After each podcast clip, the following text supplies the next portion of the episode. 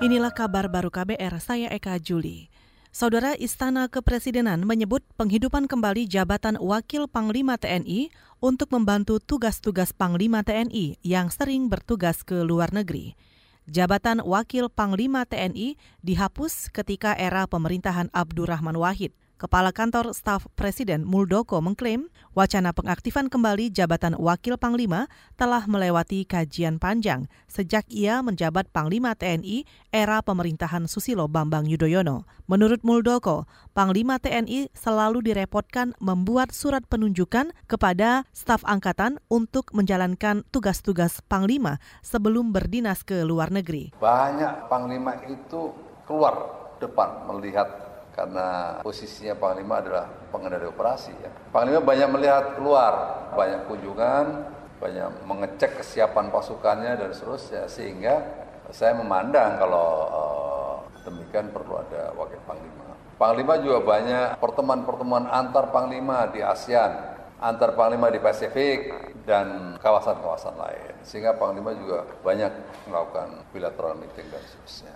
Kepala Kantor Staf Presiden Muldoko mengatakan pengaktifan kembali jabatan Wakil Panglima merupakan usulannya kepada Presiden Joko Widodo. Ia mengatakan Wakil Panglima akan memastikan komando di TNI tidak terganggu meski Panglima TNI berhalangan. Ia juga memastikan jabatan Wakil Panglima tidak akan menimbulkan dualisme di institusi TNI. Kita ke Papua. Wacana pemekaran wilayah Papua dinilai hanya upaya mengalihkan isu dari berbagai krisis di Papua. Saat ini, wacana pemekaran Papua tengah dibahas pemerintah. Akademisi dari Universitas Cendrawasih Papua, Laus Rumayom mengatakan, wacana pemekaran atau pembentukan daerah otonom baru di Papua sudah kerap muncul dan selalu muncul pada momen-momen tertentu. Saat ini, isu pemekaran muncul pasca kasus rasisme Papua yang berujung aksi dan kerusuhan. Ia menduga isu pemekaran Papua dimanfaatkan oleh para kepala daerah yang sudah menjabat dua periode. Dari isu rasis, tiba-tiba isu itu menghilang dan digantikan dengan polemik pemekaran. Hmm. Para bupati-bupati, saya berpikir memang ini momentum untuk bagaimana bisa mempertahankan itu. Para bupati-bupati ini hanya berbicara politik, tidak hmm. berbicara substansi dari pembangunan yang Pengamat dari Fakultas Ilmu Sosial dan Ilmu Politik Universitas Cendrawasih, Laus Rumayom berpendapat dasar pembangunan di Papua mestinya bukan pemekaran, tapi mesti memperkuat kabupaten-kabupaten hasil pemekaran di Papua dan Papua Barat yang dibentuk 10 atau 15 tahun lalu.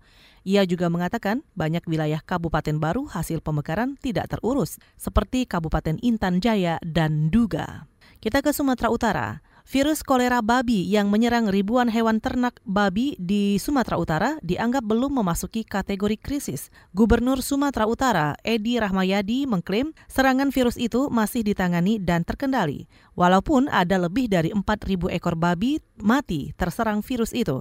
Edi Rahmayadi mengatakan saat ini bantuan vaksin sedang dalam perjalanan ke Sumatera Utara. Kita akan ditangani, akan dibantu masih sifatnya nasional. Akan keluar nanti dan dibantulah sedang dibantu. Gak nggak nggak sampai internasional. Mudah-mudahan ini kan terkhusus kepada binatang babi.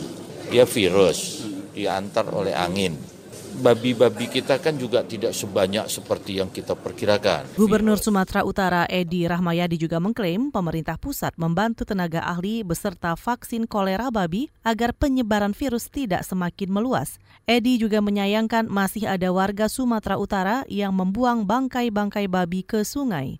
Informasi dari Dinas Peternakan Sumatera Utara menyebut kasus kematian babi akibat virus kolera babi terjadi di 11 kabupaten kota. Saudara demikian kabar baru, saya Eka Juli.